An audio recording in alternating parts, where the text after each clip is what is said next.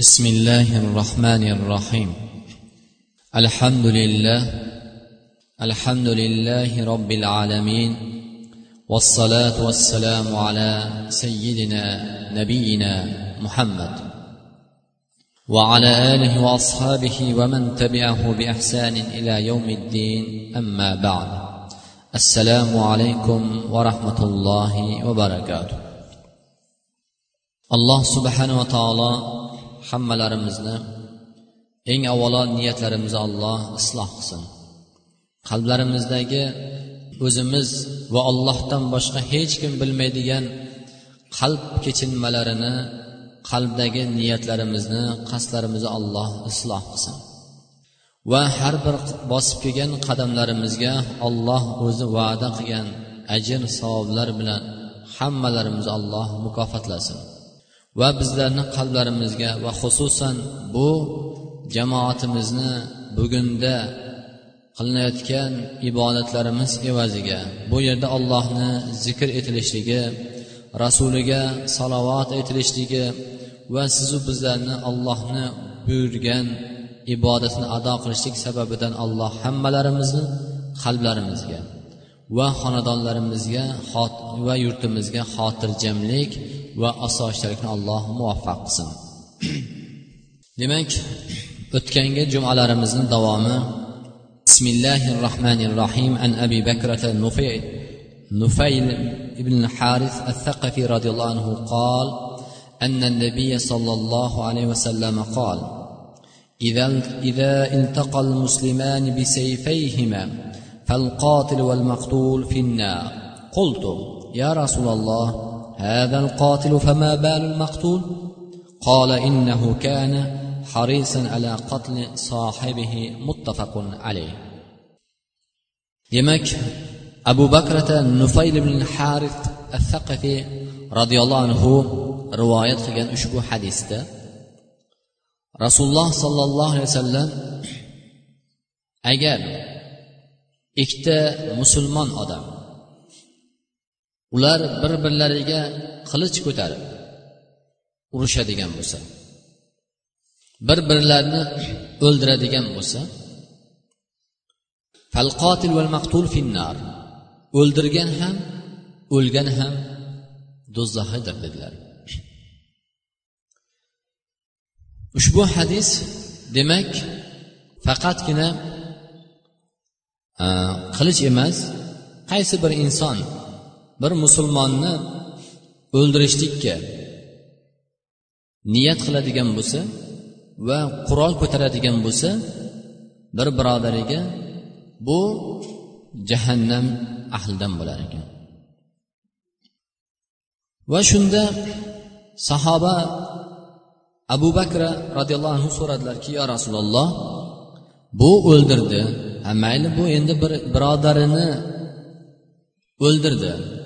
Lekin o'lgan odam nima uchun jahannam ahlidan deganda agar bu uni bilan haligi o'ldirilgan odamni u o'ldirgan bo'lardi deganlar demak ushbu hadisdan bilishimiz kerak bo'lgan narsalar alloh subhanava taolo va man yaqtul mu'mina mutaammidan fajazahu jahannam xolidan fiha وغضب الله عليه ولعنه وأعد له عذابا عظيما kim agar bir mo'minni qasddan o'ldiradigan bo'lsa bu jazosi jahannam uning jazosi faqat jahannam xolidina fiha xolidan fiha ya'ni doimiy abadiy qoladigan jahannam unga jazo bo'ladi uni azobi mana shu va olloh unga g'azablanadi. Valanahu olloh uni la'natladi. Bu ollohning la'nati bilganimizdek birodarlar allohning rahmatidan uzoqlanishlik shuning uchun ham shaytonni alayhi la'na ya'ni malun deyishligi la'natlanishligi ollohning la'natiga uchraganligi ya'ni ollohni hech qachon rahmatini topmaydi. Dunyoda ham oxiratda ham hech qachon ollohning rahmati jannatini topmaydi. Alloh subhana taolo bunga ulug' azoblarni hozirlab qo'yadi. Ushbu oyatdan demak qaysi bir inson bir mo'minni qasddan o'ldiradigan bo'lsa jazosi ana shundoq ekan. Ushbu hadis demak sahobalar taajjublanib ya'ni ular ham so'radi. Xuddi biz taajjublanganimizdek nima uchun maqtul ya'ni o'ldirilgan odamni jahannamga kirishligi u ham jahannam ahlidan ekanligini u ham do'zaxiy ekanligini payg'ambarimiz ushbu hadisda annahu kana harisan ala u agar o'ldirmaganda u birodarini u ya'ni o'ldirgan odamni u ham o'ldirardi. Shuning uchun haris bo'lgan shu narsaga u ham tayyorgarlik ko'rgan u ham qilich ko'targan yoki miltiq o'qtalgan yoki toshmi yoki nima bilan bo'lsa ham o'ldirishlikka tayyorlangan narsasi bilan ya'ni o'sha tayyorgarlik ko'rgan haris bo'lgan. Demak ushbu hadis innamal amalu bin niyat hadisga ya'ni davomi albatta har bir amal niyatga bog'liq bo'ladi birodarlar. Qarangki o'zi o'ldi birov buni qatl qildi o'ldirdi. Lekin haligi o'lgan odam ham nima? Jahannam ahli bo'ldi. Sababi nima uchun? Agar o'ldirmaganda u bu uni o'ldirgan bo'lardi. Niyatida bor edi shu. Shuning uchun niyat birodarlar muhim narsa. demak rasululloh sollallohu alayhi vasallamni boshqa bir hadislari bor birodarlar من قتل دون دمه فهو شهيد ومن قتل دون أهله فهو شهيد ومن قتل دون ماله فهو شهيد إن قتلت فهو في النار وإن قتلك فأنت شهيد agar kim bir inson o'zini molini himoya qilib dushmandan o'lsa bu shahid bo'lar ekan Ushbu hadisdan chetga chiqiladigan masala birodarlar. Bir insonni molini bir bosqinchi o'g'ri kelib oladigan bo'lsa lekin halinga molimni bermayman deb qarshilik ko'rsatdiyu haligi o'g'ri buni o'ldirdi. Haligi odam nima? O'lgan odam shahid dedilar. Yoki bir ahlini himoya qilib ahli ayolini farzandlarini himoya qilib ota onasini himoya qilib vafot o'ldi. Ya'ni bir dushman bunga nima bilan bo'lishidan qat'iy nazar? Zo'rlik qilib zo'ravonlik qildi. Bu qurol hadisda qilich kelgan lekin birodarlar bu tanfil ma'nosida aytdilar. Bu nima bo'lishidan qat'iy nazar? Ahli ayolini farzandini himoya qilib o'lgan odam ham shahid bo'lar ekan. Va o'zini nafsini o'zini jonini himoya qilib. O'zini jonini bir odam o'ldiraman deb unga qarshilik ko'rsatgan vaqtida unga hujum qilgan vaqtida himoya qilib qilibdiyu lekin o'ldi. Lekin bu odam shahid bo'ladi. Nima uchun? Sababi bu odam haligi o'ldiraman deb hujum qilgan odamni aslida o'ldirish niyati yo'q edi. Shuning uchun bu odam shahid bo'ladi va undan keyin erd nomusini bir ayolga nomusiga tajovuz qilsa nomusini saqlayman deb himoya qilib o'lsa bu ham shahid dedilar ushbu hadisdan demak birodarlar bizlar uchun foyda bo'lgan narsa albatta o'limning ya'ni birovni o'ldirishlikni gunohi nihoyatda ulug' sababi qaysi bir inson bir odamni nohaq o'ldirdimi bu odam do'zaxiydir. Ushbu hadisdan tushuniladigan oyat ya'ni ma'nosi. Sahobalar shubha kirgizdi rasululloh sollallohu alayhi vasallamga yo rasululloh o'lgan odam nima uchun do'zaxiy degan shubha. Qarangki dinimizda rasululloh sollallohu alayhi vasallam qur'onda ham sunnatda ham hadislarda hech qanday bir shubha qoldirmadi. Xuddi masih dajjal payg'ambarimiz sallallohu alayhi vasallam aytdilarki qirq kun hayot kechiradi dedi. Birinchi kuni bir yilga o'xshaydi va ikkinchi kuni bir oyga o'xshaydi va uchinchi kuni bir haftaga o'xshaydi. Qolgan kuni sizlarni kunlaringizga o'xshagan deb aytdilar. Demak ushbu hadisda yana o'tgangi jumamizda birodarlarimiz bergan savollari masihud dajjal haqida ham javob berib o'tib ketamiz. Masihud dajjal dajjal bu ya'ni haqni yopgan haqni berkitgan va yolg'onchi insonni dajjol ham deyiladi. Ya'ni yolg'onchini kazzobni dajjol deyiladi. Masihu dajjalni ham dajjol deyilishiga sabab uni haqni berkitishligi va qilayotgan har bir amali yolg'on ekanligi sababidan uni masihu dajjal bo'lib qoldi. Masihu dajjal bu qiyomatning katta alomatlari. Ulamolarimiz qiyomatni alomatlarini ikki qismga bo'lgan ekan. Birinchisi ashratus ya'ni saatu sug'ro val kubro ya'ni birinchisi katta qiyomatning alomatlari va ikkinchisi kichik ya'ni qiyomatning alomatlari. Bu kichik qiyomatning alomatlari masalan rasululloh sollallohu alayhi vasallamni payg'ambar qilib yuborishligidan boshlab to juda ko'p bu narsaga hadislar keltirib aytdilar. U zot xabar bergan edi. Xabarlarni haq ekanligini mo'jiza ekanligini qiyomatni kichik alomatlari bu ko'rinib keldi. Shuning uchun ham ba'zi ulamolar aytgan ekanlarki qiyomatni faqat katta alomatlari qoldi. Bu ulamolarimiz ba'zi ulamolar sakkizta degan ekan o'sha sakkizta qiyomatni alomatlaridan bittasi dajjolning chiqishligi. Dajjolning chiqishligi va quyoshning mag'ribdan chiqishligi mahdiy alayhissalomning chiqishligi va yer yutishlar va masih isa alayhissalomni tushishlari.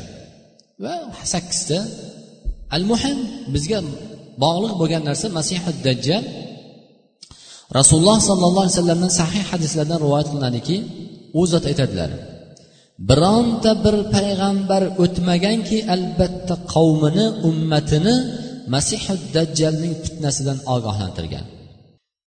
Ogoh bo'linglar men ham sizlarning masihu dajjalning fitnasidan ogohlantiraman. Lekin oldingi payg'ambarlar aytmagan narsani men sizlarga aytaman dajjol g'ilay bo'ladi. Fa innahu avar ya'ni u g'ilay bo'ladi bir ko'zi. Lekin bilinglarki albatta robbilaringiz g'ilay emas dedilar. Fa innahu laysa avar avar emas dedilar. Chunki masihi dajjal yer yuziga chiqqanda birodarlar osmondan yomg'ir yog'dirishi yerdan quruq yerdan ko'katni chiqarishligi o'lganni tiriltirishligi va uni ollohni izni bilan bo'lgan ishlar. Va jannat va do'zaxi bo'lishligi va bir odamni o'ldirib uni tiriltirishligi mana bunga o'xshagan insonning aqli bavar qilmaydigan narsalarni ko'rsatar ekan. Mana shu vaqtida juda ko'p insonlar buni fitnasiga mubtalo bo'lar ekan. Ya'ni iymondan chiqib qolar ekan. Lekin ana shu vaqtlarda ham olloh mo'min bandalarini haqiqiy iymonda islomda bo'lgan qalbi iymon bilan to'lgan bandalarligini bu dajjolning fitnasidan sobit qilar ekan saqlar ekan. Va albatta masihu dajjal yer yuzida qirq kun hayot kechirishligi va birinchi kuni bir yil bizni yilimizga o'xshab bir yil ikkinchi kuni bir oy uchinchi kuni bir hafta. Va qolgan kunlari bizni kunlarimizga o'xshagan o'tar ekan. Shunda sahobalar so'radilarki yo rasululloh ana shu bir yillik birinchi kunlaridagi bir yilga bizni bir kunlik namozimiz kifoya bo'ladimi? deganda u zot aytgan la lakin iqdiru lahu qadrahu. Yo'q sizlar o'sha kunni qadrini o'lchovini o'lchanglar bilinglar deb aytgan ekanlar. Masihud dajjalni masih alayhissalom isa ibn maryam alayhissalom osmondan nozil bo'lgandan keyin buni o'ldiradi. Va insonlarni buni fitnasidan xalos qilar ekan. Lekin mana shu vaqtida juda ko'p insonlar iymondan ajrar ekan. Dindan chiqib kofir mushrik bo'lib ketar ekan. Kimlar? Ya'ni iymonda sobit bo'lmagan odamlar. Shuning uchun ham rasululloh birodarlar butun payg'ambarlarning ummatlariga ogoh qilishligi bu fitnaning nihoyatda bir ulug' ekanligini buyuk bir katta fitna ekanligidan xabar berdilar. Boshqa qiyomat alomatlari haqida bermadi birodarlar. Bironta bir payg'ambar bo'lmagan ekanki albatta masihud dajjalning fitnasi haqida qavmini ogohlantirgan ekan. Vaholanki ularga nasib etmadi. Lekin bu oxirgi ummat qiyomatga yaqin kelgan vujudga kelgan ummat sizu biz ummat ko'radigan narsa ekan bu. Shuning uchun ham masihu dajjalni fitnasidan panoh so'rashligini rasululloh sollallohu alayhi vasallam har bir ummatiga namozdan keyin allohimma inni audu bika minal kufri va minal fitnati mahyay va mamat va masihi dajjal duolarini o'rgatdi. Nima uchun birodarlar? Chunki inson oddiy bir misol. Bugungi kunda folbin sehrgarlarni insonni ozgina ma'lum bir qismi to'g'ri kelib qolsa bizni aqlimizga o'xshash bo'lib qolib chiqib chiqadigan bo'lsa kaannahu o'shani payg'ambardek juda ulug'lab qo'yyapmiz birodar qarangki ozgina narsani o'xshash chiqib qolsa. Lekin masih dajjal sizni bizni ko'zimizni oldida osmondan yomg'ir yog'dirsa qurib yotgan joydan ko'kat chiqarsa va o'lgan odamni tiriltirsa birodarlar buni fitnasi nihoyatda ulug' bu fitnadan illa haligi aytganimizdek iymonda sobit bo'lgan odamlargina omon qolar ekan. Abu hurayra roziyallohu anhu aytadilarki qola rasululloh sollallohu sallallohu alayhi vasallam solatu rajuli fi jamaatin tazidu ala salati fi suqi va bayti bid'an va ishrin daraja. Ya'ni kishini jamoat bilan o'qigan namozi uyida yoki bozorda o'zi yolg'iz o'qigan namozdan ko'ra yigirmadan ortiq savobi ko'proq bo'ladi ya'ni boshqa bir hadisda yigirmadan ortiq darajasini qancha ekanligini belgilab keldi rivoyatlarda. Insonning jamoat bilan birgalikda ado qilgan namozi yigirma besh daraja yoki ba'zi bir yigirma yetti daraja savobi ziyoda bo'ladi. Agar ulardan birontasi bir tahorat qilsa yaxshilab tahorat qilib so'ngra allohni uyiga masjidga kelsa la yuridu illa solat masjidga kelishlikdan murod faqat namoz uchun keladi. Keyin falonchini o'sha yerda ko'rib qolamanmikan? Keyin falonchi birodar yor bilan ko'rishib kelaman demaydi. Yo'q faqat masjidga qadam bosib kelishidan murod namoz uchun keladi. Mana shu maqsadda masjidga chiqib kelish niyatida keladi. Bu odamni uyidan chiqib kelishligi faqat namoz chiqaradi birodarlar. Ko'rib kelishligi ishini bitirib kelishligi yo'lma yo'l o'tib kelishib falon ishni bitirib kelaman shu bahanada deyishlik emas. Uydan chiqishlik murod tahorat olishligi va uydan qadam bosib chiqishligi faqat namozni ado qilish uchun chiqadi. Lam illa lahu biha daraja. Bironta bir qadam qo'ymaydiki albatta har bir bosgan ya'ni qo'ygan qadamini evaziga olloh darajasini ko'taradi. Va olloh yana har bir qadamini evaziga bosgan qadamini evaziga olloh albatta uni gunohlarini kechiradi hatto masjidga kirgungacha. فإذا دخل المسجد كان في الصلاة ما كانت الصلاة هي التي تحبسهم modomiki masjidga kirdi agar masjidda o'tirishligi namozni kutib o'tiradi ya'ni masjidda o'tirganda namozdan vaqtidan oldin kelib qoldi masjidga kirib o'tirdi shu namozni ado qilaman deb niyat qilib chiqqan namozi uchun ado qilishlik uchun o'tirdi hali namoz vaqti bor yoki namoz vaqtidan oldin keldi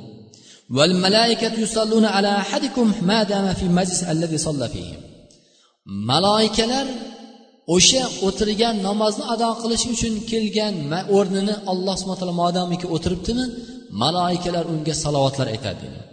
Uni haqqiga duo qiladi dedi. Nima duo qiladi? Yaqulun allohumma arhamhu allohumma g'fir lahu allohumma tub alayhi. Alloh bu bandangni rahmatingga olgin. Bu bandangni gunohini mag'firat qilgin. Bu bandangni qilgan tavbasini olloh qabul qilgin deb maloikalar haligi masjidga namozni ado qilish uchun niyatida kelgan bandasi ya'ni birodarni allohni bu bandasini haqqiga duo qilar ekan birodarlar.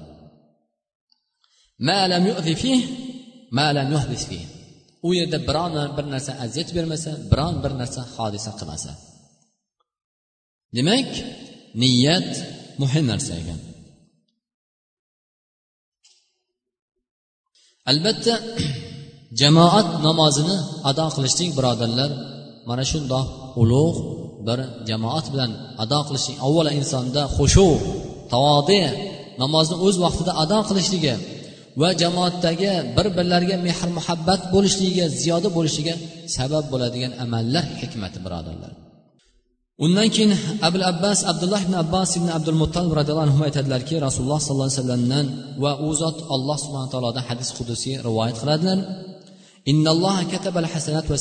Alloh subhana taolo hasanatlarni ham yaxshi amallarni ham yomon amallarni ham yozdi va ularni bayon qildi va u zot aytdilarki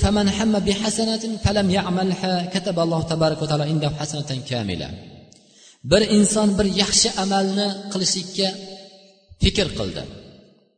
Va u odam bu amalni qilmadi. Yaxshi bir alloh subhana taolo uchun namoz o'qishlik uchun tahorat qildiyu niyat qildi tahorat qilmoqlikka lekin boshqa bir narsa mashg'ul bo'lib esdan chiqib qoldi. Ya'ni bu nafl namoz. Yoki bir odam olloh yo'lida infoq qilishi uchun sadaqa qilishi uchun mol dunyosini ajratdi. olloh uchun yetim yesirlarga shu molimni sadaqa qilaman deb ajratdiyu lekin shu narsani sadaqa qilmadi alloh subhanava taolo bu bandasiga nima bir daraja ajr savob berar ekan فعملها كتب الله عشر حسنات إلى سبعمائة ضعف إلى أضعاف كثيرة agar o'sha qasd qilgan niyat qilgan narsasini amalga oshiradigan bo'lsa olloh o'n darajadan ila yetti yuz darajagacha yoki undan ham ziyoda qilib olloh ajr savob berar ekan. Lekin bir gunohni fikr qildi. Bir gunohni bir o'g'irlik qilishni niyat qildi. Bugun shuni planni chizib mana shu joyda o'g'irlik qilaman dedi yoki bir xiyonatni o'yladi lekin haligi narsani qilmadi qilmasligi birodarlar o'sha narsaga ya'ni sharoit bo'lmaganligidan emas. Ya'ni olloh uchun tark qilganligi sababidan. Ya'ni gunoh narsani fikr qildi. Insonni hammalarimiz ham qalblarimiz yo gunoh narsaga yoki xayrli bir yaxshi bir amalni ikkovidan bittasida bo'ladi. Yo buni fikrlaymiz yo buni fikrlaymiz. Albatta mo'min odam haris bo'lishi kerak ekanki qalbida doim yaxshi niyat qilishligi yaxshi amallarni solih amallarni qasd qilib yurishi kerak ekan. Mana shu sababdan birodarlar agar qasd qiladigan bo'lsa bu insonga alloh subhana taolo haligi aytganimizdek qilmasa bir daraja qiladigan bo'lsa yetti yuz daraja undan ziyoda qilib berar ekan. Va agar yomon narsani niyat qilgan bo'lsachi fikr qilgan bo'lsa bu odamga agar shu narsani tark qilsa olloh uchun ollohdan qo'rqib gunoh ekanligini bilib turib tark qiladigan bo'lsa u bandasiga olloh haligi amalni qilmasa gunoh amalni olloh bunga ham ajr savob berar ekan. Agar bu inson haligi gunoh qiladigan bo'lsa bunga bir daraja gunoh yozilar ekan. Lekin وسبق لنا أن الإنسان إذا نوى الشر وعمل العمل الذي يوصل إلى الشر ولكن عجز عنه فإنه يكتب له عليه اسم الفاعل كما سبق في من التقى بسيفيهم من المسلمين lekin birodarlar bir odam gunohni fikr qildi gunohni niyat qildi lekin shu gunohni qilolmadi nimadir bir narsa to'siq bo'ldi sabab bo'ldi olloh uchun qo'rqqanidan yoki bu narsa gunoh ekanligini bilib turib tark qilmadi qaysi bir ojiz bo'lib qoldi yoki bir sabab bo'lib qoldida haligi gunohni qilmadi birodarlar. Bu odam nima bo'ladi? Bu odam birodarlar xuddi qilganni gunohini oladi. Nima uchun sababi? Haligi hadisda bir birodarni agar o'ldirsa o'lgan ham o'ldirilgan ham jahannam ahlidan do'zaxiydir dedi. Do'zax bo'ladi dedi. Nima uchun? Sabab haris. O'lgan odam haligi birodarni o'ldirishlikka o'ldirgan odamni agar u o'ldirmaganda uni o'ldir uni u buni o'ldirgan bo'ladi dedilar. Shuning uchun agar shu sharoit bir uzr vujudga kelmaganda shu gunohni qilgan bo'lardi. Shuning uchun bu odam o'sha qilganni gunohini olar ekan jazosini olar ekan. Bu narsaga birodarlar hushyor bo'lishimiz kerak ekan. Albatta niyatlarimizda birodarlar qilayotgan amallarimizda xolis bo'lsin. Qarangki alloh subhanava taoloning qudratini ibrohim alayhissalom duo qildi nima قال الله تعالى إبراهيم سورة 37 oyatida فاجعل أفئدة من الناس تهوي إليهم وارزقهم من الثمرات لعلهم يشكرون ibrohim alayhissalom o'zini zurriyati hojar va ismoil alayhissalomni hech bir daraxti yo'q ekini yo'q sahroga tashlab ketayotgan vaqtida ularni haqlariga duo qildi va kabani makkani haqida alloh subhana taoloni haqqi u haqqiga ollohdan duo qildi. Nima? Fajal afidatan minan nas. Odamlarni qalbini bu yerga moyil qilgin dedi makkaga. Sahro tog'u tosh. Inson borganda na mukofot na pul dunyo mol dunyo na bir mansab olib kelmaydigan joy. Faqat mehnat mashaqqat pulini jonini qiynoqqa soladigan sarf qiladigan joyga boradi odamlarni qalbini nima? Tahvi ilayhi. Bu joyga moyil qilgin. Odamlarni qalbini bu yerga muhabbatli qilgin bandalaringni. Varzuqhum ularni mevalar bilan rizqlantirgin. Samarot mevalar bilan ularni rizqlantirgin. Shoyat ular bu mana shundoq joyda ham o'zlarini yurtida ham uyida ham yemaydigan mevalarni yeb ular mana shu ollohni qudratini ko'rib ollohni ne'matiga shukur etadigan bo'lsa deb ibrohim alayhissalom duo qildi. Qarangki birodarlar duoning xolisligidan niyatni xolisligidan alloh subhana taolo bugungi kunda yemagan mevalarimiz va ichmagan suvlarimiz va u yerdagi mevalarning turli turli mevalarni vaholanki kabani atrofini qarang bironta bir inson mevali bir daraxtni topmaymiz birodarlar. Lekin olloh borsangiz hamma narsa yetarli. Nima uchun? Vaholanki ibrohim alayhissalom bugun emas nechi ming yil oldin duo qilgandir. Duolarni barakoti niyat xolislik bo'lishining sababidan birodarlar alloh mana shunday bir ne'matlarni sizu bizga boradigan mo'min musulmon bandalariga o'sha joyda ham birodarlar sahroda olloh o'zini ne'matlarini meva chevalarini yetarli qilib qo'ydi. Laallahum yashkurun. Shoyat ular shukur qilsa degan ma'noda. Shuning uchun ham birodarlar hayotimizda niyatimizni xolis qilaylik isloh qilaylik va har bir amalimizni takror takror aytamiz. Hayotimizga hammalarimizdan bir nazar solaylik o'tmishimizga va kelajak bugungi hayotimizga. Qilgan niyatlarimizni naqadar ya'ni qilgan niyatlarimizga yarasha hayot kechirayotganligimizni qilgan qilingan niyatlarimizga yarasha umr kechirayotganligimizni alloh o'sha qilingan niyatlarga yarasha ahallarimiz ham farzandlarimiz ham mol dunyolarimiz ham niyatlarimizga yarasha kelayotganligini bilib qo'yaylik birodarlar. Amallarimizni ham otalarimizni onalarimizni qilgan niyatlariga yarasha kelayotganligini yoki o'zlarimizni niyatlarimizga yarasha olloh berayotganligini birodarlar bir e'tibor qilib qo'yaylik va lekin ana shu niyatlarimizda to'g'ri xolis. Solih amallarni yaxshi amallarni niyat qilishligimiz albatta birodarlar bu narsani qilishlik bilan savob mukofot olishligimiz ziyodasi bilan agar bo'lmasa ham birodarlar savob olishligimiz. Agar bir inson gunohni niyat qiladigan bo'lsa mana shu joyda bir mazza qilib maishat qilamiz deydigan bo'lsa o'sha joyda agar uzr bo'lib vafot qilib ketgan bo'lsa ham yoki qudrati yetmasa ham birodarlar o'shani gunohni olishingni bir eslab qo'yaylik. Shuning uchun niyatlarimizni xolis qilaylik va xususan qadam ranjaq kelayotgan azizlar hammalarimiz ham mana allohni uyiga qadam bosib kelayotgan qadamlarimizda ham tahoratlarimizda ham niyatlarimizni xolis qilaylik. Bu yerda o'tirganimizda ham sabr ya'ni olloh uchun ya'ni namoz vaqti o'tib ketyapti yoki boshqa bo'lyapti degan narsa emas olloh uni uyida sizu bizni haqqimizga birodarlar bu yerda farishtalar duo qilib turibdi haqqimizga. Olloh bularni rahmat qilgin bu bandalaringni. Har birlarimizni haqqimizga. Ularni gunohlarini mag'firat qilgin. Ularni tavbalarini olloh qabul qilgin deb bizni haqqimizga ollohning maloikalari duo qilib turibdi. Alloh hammalarimizga ushbu ne'matlarni muyassar qilsin. Va sallallohu ala sayyidina nabiyina muhammad va ala alihi va ashabi ajmain. Alloh hammalarimizni iymonda ibodatda sobit qadam qilgin. Qalblarimizni diningda sobit qilgin. Va qalblarimizni o'zing toatingga rasulni sunnatiga moyil qilgin muhabbatli qilgin. Va parvardigoro hammalarni niyatlarimizni isloh qilgin. Eng avvalo o'zlarimizni kelajak hayotimizni olloh qancha umr bergan bo'lsang olloh umrlarimizni o'zing toatingda bo'lishligini alloh bizlarga nasib ro'za aylagin sen o'zing rozi bo'lgan yo'llarni bizlarga muhabbatli qilgin.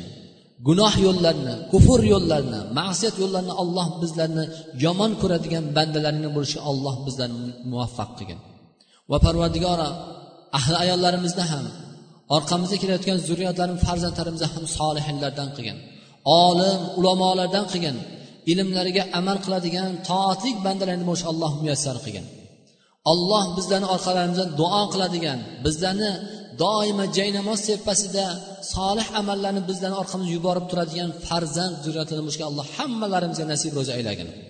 Alloh xonadonlarimizni fayzli barakotli qilgin. Mahallamizni ham yurtimizni ham tinchlik xotirjamlik qilgin.